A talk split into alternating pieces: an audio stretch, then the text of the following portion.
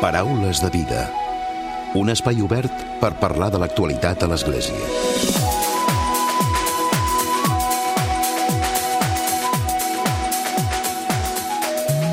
Què tal? Salutacions i molt bon dia, molt bon diumenge. Avui la nostra convidada és la Vicky Molins. Ella, de fet, no necessita gaires presentacions. Segur que la coneixeu. Fa pocs dies, el seu cercle d'amistats, de les persones que se l'estimen, li han preparat una festa per celebrar la vida, per celebrar els seus 85 anys d'existència. Els 85 anys que continua en plena vitalitat i en plena energia.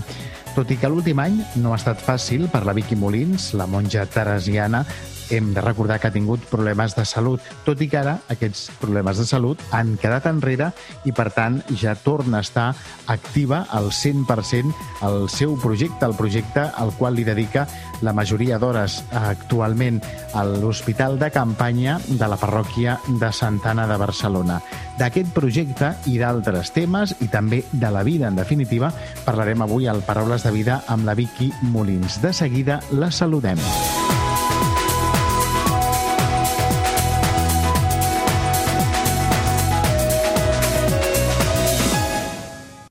Paraules de vida amb Emili Pacheco. I avui ho hem dit a la portada, la nostra convidada al Paraules de Vida és la Vicky Molins, a qui ja saludem. Vicky, bon dia i benvinguda. Bon dia i bona gala. Avui estem, Vicky, molt contents de, de rebre't novament al Paraules de Vida i en aquest cas avui parlarem relaxadament sobre tu, sobre la teva vida, que de fet parlar de la teva vida és parlar dels altres, perquè sempre li has dedicat als altres, oi? Gràcies a Déu, sí. És el gran regal que Déu m'ha fet a la meva vida, poder dedicar-me als altres. I sobretot arribar a aquesta edat i trobar un, un dels moments més macos del lliurament als altres, que és l'Hospital de, de Campanya de Santana. Sí, ara parlarem d'aquest últim projecte, d'aquesta última acció que, que ja fa temps que, que feu des de l'Hospital de Campanya, de la important feina que, que feu, Vicky, però primer parlem de, de fet ara aquests, aquestes últimes setmanes eh, t'han fet una festa, eh, a vegades diu, no, no s'ha de parlar de, la, de les persones, però sí, en aquest cas ho parlem perquè com que estàs molt bé i com que tens molta vitalitat, doncs és important que ho diguem. La Vicky Molins, que té 85 anys, eh, que està molt activa, que continua al peu del canó, a més a més que s'ha vacunat eh, contra la Covid, oi? Ha, ha estat un any complicat, eh? Jo he estat molt greu també, he tingut uns problemes de cor, he estat molt greu, però Jesús ha dit que encara no, encara puc fer feina aquí. Que... I bé, bueno, aleshores, potser per celebrar també que he sortit d'aquest batxe tan fort de que pues, vam voler fer un, un, una festa d'aniversari. Va ser molt maco perquè va ser a Santana i precisament jo no volia que fos com un funeral en vida, allò que comencen a dir-te elogis o no, no. Va ser com una, una gràcies a Déu per la vida, eh? per diferents aspectes de la vida. Eh, la història meva personal, com m'ha portat Déu a la vida, la meva família, la, tot, tot el que molta la companyia de Santa Teresa, on m'he format i d'on vist, i, i també, sobretot, aquests que m'acompanyen i que, i que són la meva, la meva felicitat, no? Tots aquells que m'envolten ara, de moment, en l'hospital de campanya i sobretot després de la pandèmia que no puc anar a les presons, etc. Uh -huh.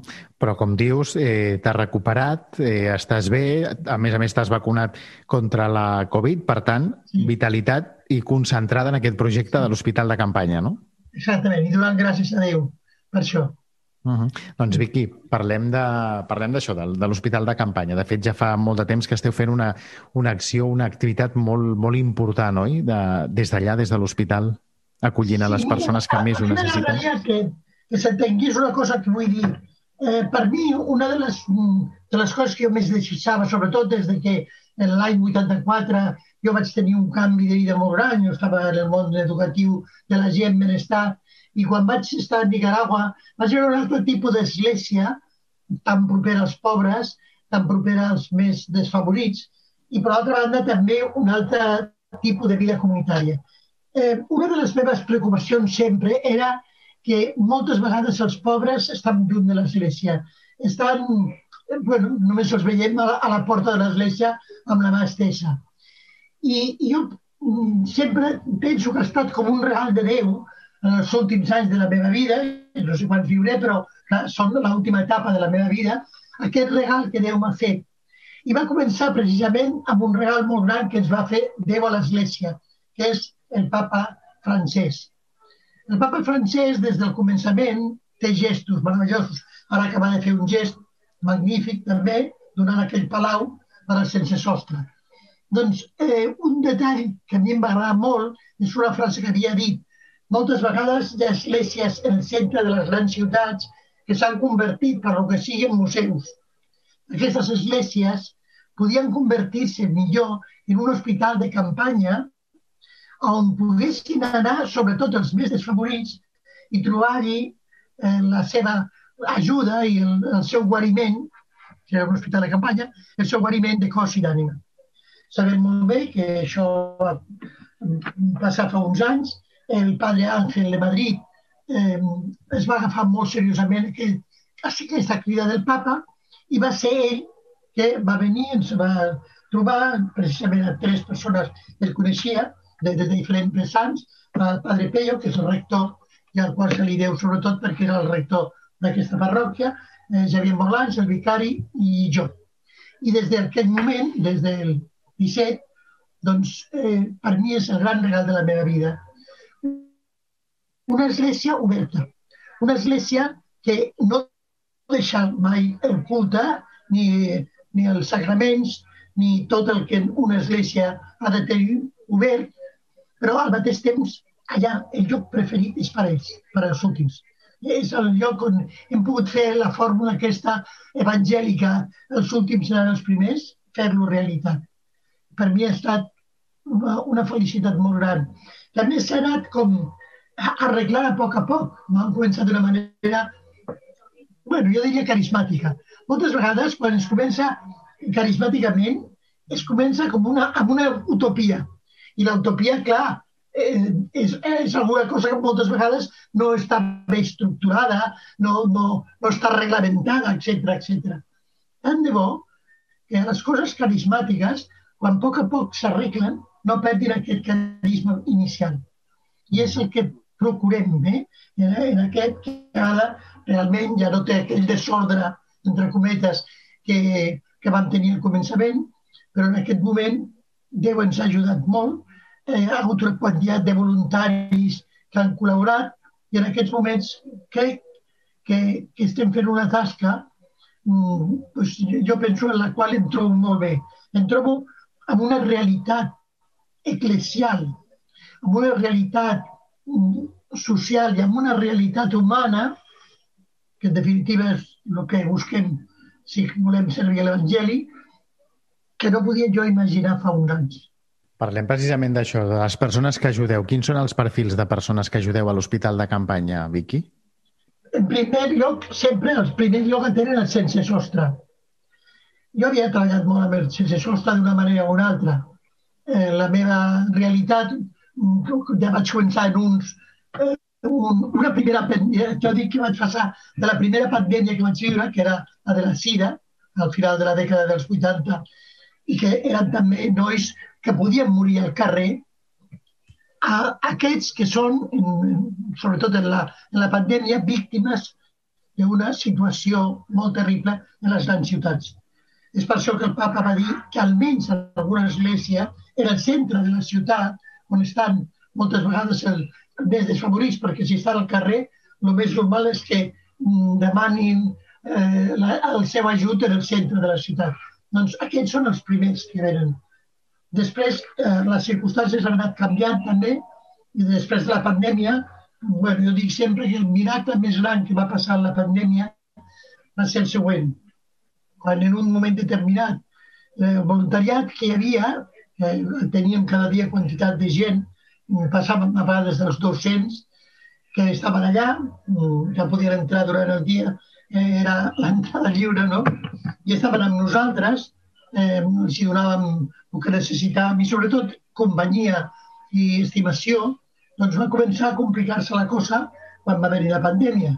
Però de cop i volta mm, l'estat d'alarma va fer que tots aquells voluntaris que estàvem que estaven allà i els que nosaltres portàvem això, que eren bastant grans, ens teníem que confinar. i va venir el miracle. Un grup de 12 homes, quatre senegalesos, eh, tres marroquins, tres, quatre mm, d'aquí, doncs eren acollits, que estaven amb nosaltres, que ens havien ajudat molt, eren acollits que es van convertir en acollidors. I gràcies a ells van començar aquelles famoses files que cada dia es feien per menjar. Tot això va fer que durant temps jo portava les coses des d'aquí, gràcies al Zoom i gràcies a totes aquestes avantatges que tenim amb els mitjans de comunicació, doncs jo estava i vam començar a treballar des de la paraula per demanar ajudes. I gràcies a les ajudes de tanta gent de bona voluntat s'ha pogut fer un menjador. Nosaltres diem que és un menjador social, sinó una taula de fraternitat, on cada dia poden dinar, com que hi ha un claustre, un claustre preciós, allà poden dinar amb les distàncies sanitàries necessàries, en, a l'aire lliure, i així hem pogut passar fins i tot el més cru de l'hivern, que teníem unes, un calefactors allà de carrer i hem pogut passar tot l'hivern. S'han pogut fer una sèrie de, de reformes que no, no haguéssim pogut fer-ho i tenim dutxes per la gent i tenim eh, servei sanitari. Tot això són regals de la mm, solidaritat de la gent, de, de tot el que hem vist al nostre voltant i de que Déu que ens ha ajudat moltíssim perquè ell sempre està quan volem viure l'Evangeli, ell està allà amb nosaltres. Uh -huh. Avui la Vicky ens acompanya al Paraules de Vida i Vicky, no me puc estar de preguntar-te, segur que, que aquests dies has estat eh, també al corrent, eh, hi ha sobretot l'extrema dreta, partits d'extrema dreta que el que fan és buscar la confrontació. De fet, eh, hi ha hagut aquests dies una, un anunci, un polèmic anunci, en el que es comparaven els menes, el cost econòmic que pot tenir un mena i ho deia i ho contraposaven en aquest cas. Exacte. Tu, tu què n'opines d'aquestes campanyes que el que creen és odi i confrontació? Mira, em sembla denigrant, i em sembla denigrant perquè és no entrar en el que és la història d'aquests menes, de lo que és pensar aquests nois, jo com que tinc tants menes, he conegut tants i a la presó i a tot arreu, sé el que és la història d'aquests menes. I a més, ja, primer, que no m'agrada el nom de menes, són nois S'estan etiquetant d'una manera molt... Exactament, que són nois que tenen una edat difícil, però que estan sols, no acompanyats. I a la paraula, un menor no acompanyat, està parlant d'un menor que està ja ferit en la seva joventut. Això és el primer. Que, que han vingut o que, per què estan, perquè els pares han estat d'una manera o d'una altra. No podem judicar. Allà sempre hi ha una història darrere molt trista. Jo, per exemple, tinc un que considero com el meu fill, que a la presó el vaig conèixer. Aquest noi era un mena, eh? era un menor no acompanyat, que va venir als 11 anys perquè no tenia ningú al món. La seva mare li havia donat el llum eh, sense... Bueno, no va conèixer el pare ni res i va morir en el parc. Doncs aquest noi va, va, va estar sempre mm, això, no acompanyat, va venir a sota d'un camió. Aquesta és la història que podem dir i comparar i, i denigrar, sabem la història de cada un d'aquests menors no acompanyats?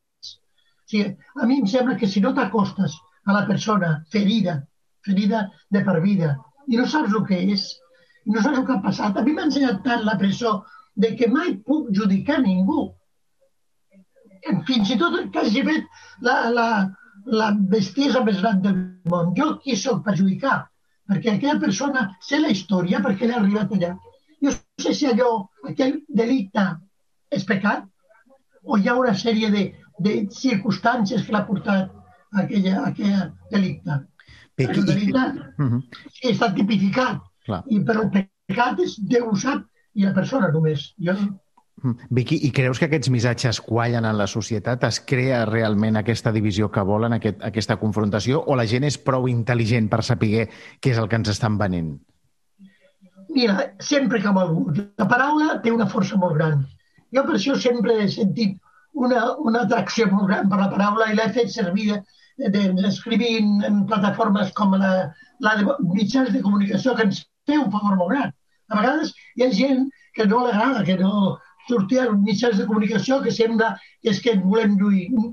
Els mitjans de comunicació són precisament els mitjans més importants per plataforma. Jo moltes vegades ho comparo perquè Teresa de Jesús sempre deia que com era dona no, no li escoltava ni que no tenia.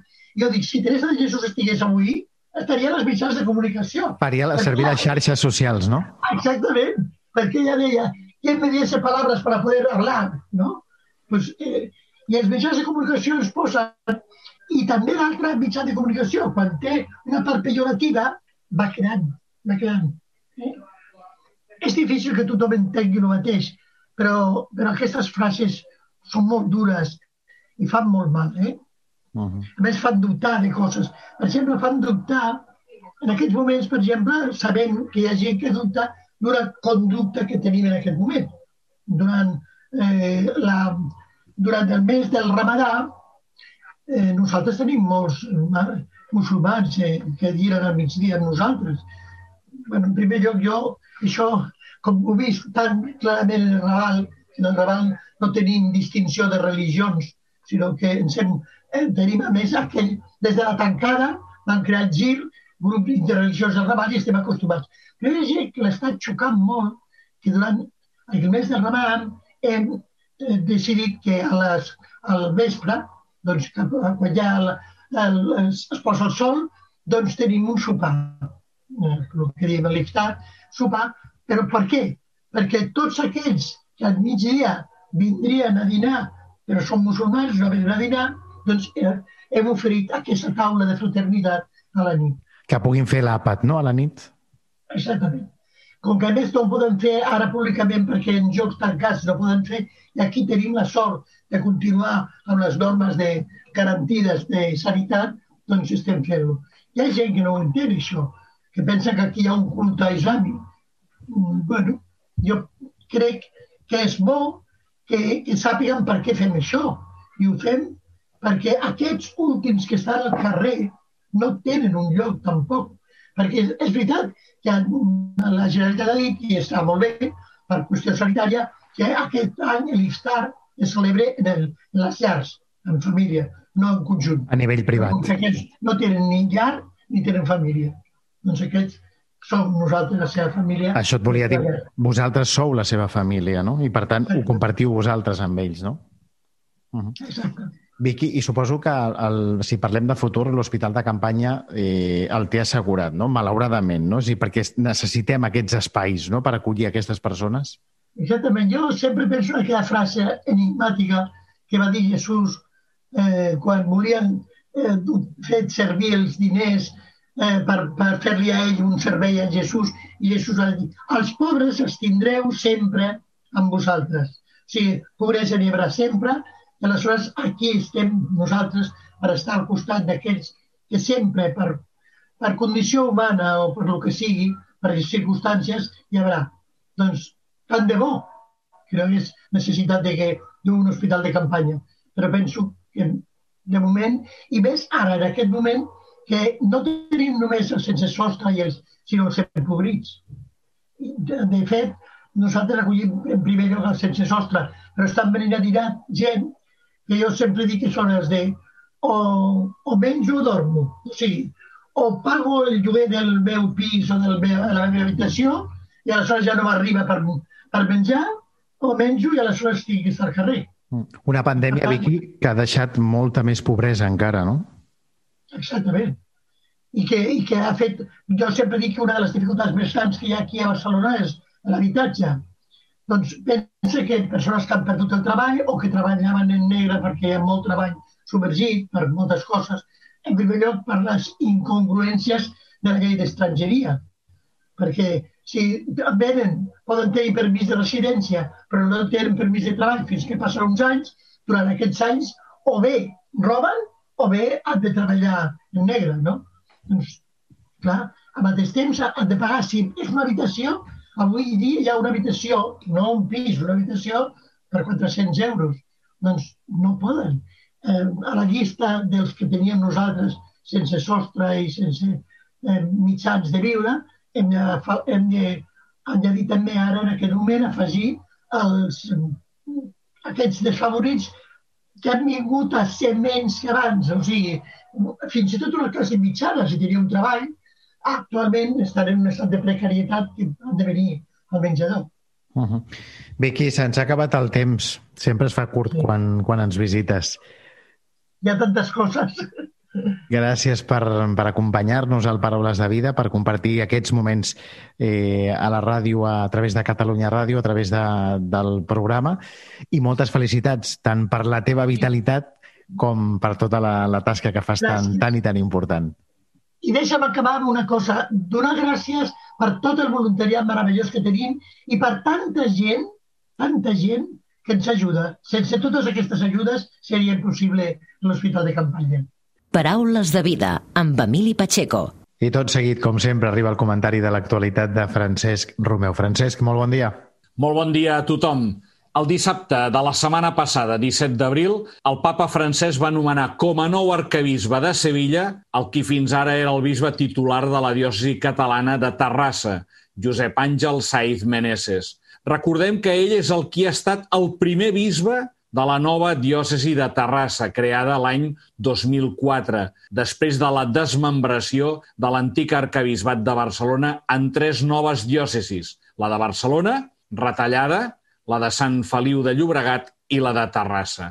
Josep Àngel Saez Meneses té ara 64 anys i va néixer a Sisante, a Conca, el 2 d'agost del 1956.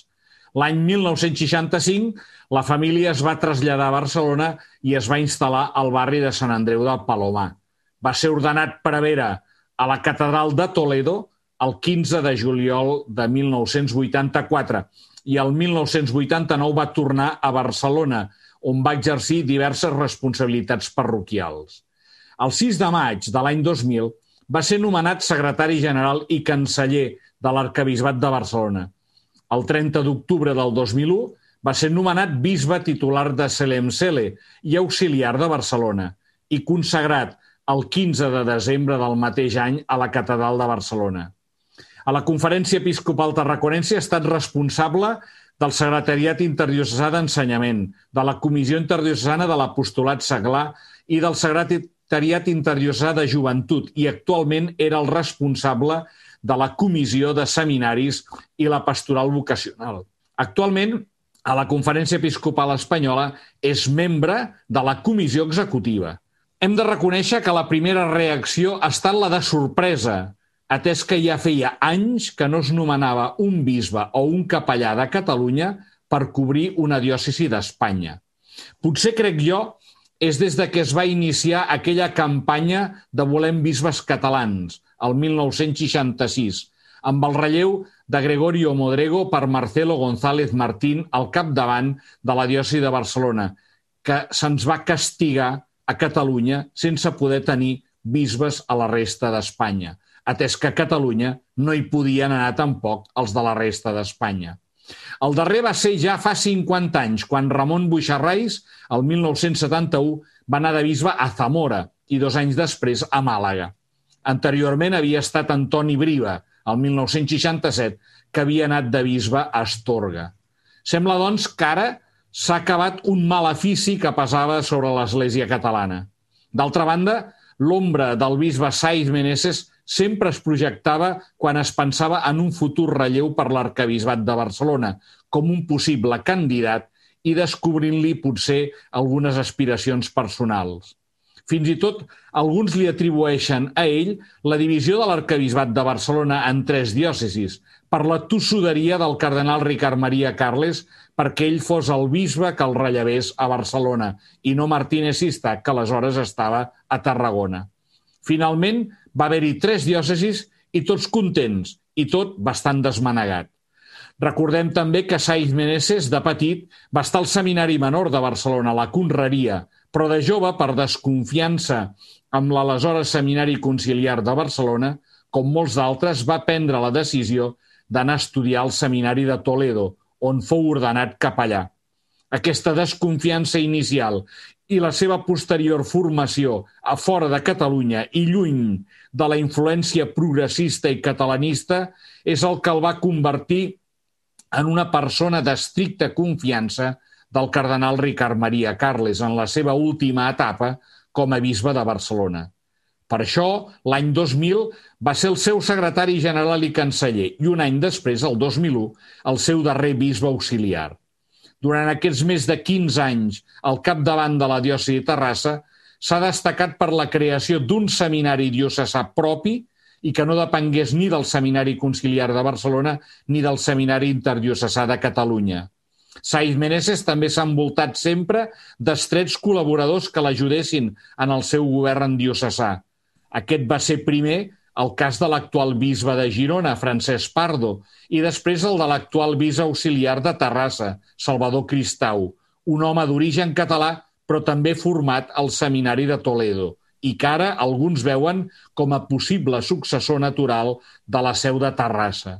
Mentre es preveu que l'entrada del nou bisbe de Sevilla no serà fins al dissabte 12 de juny, Saiz Meneses segueix sent ara l'administrador pastoral de la diòcesi de Terrassa, esperant el nomenament d'un nou bisbe titular.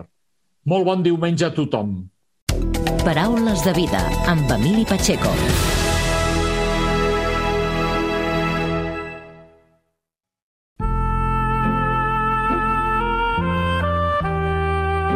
us oferim la carta dominical de l'arcabisbe de Barcelona, Joan Josep Omella.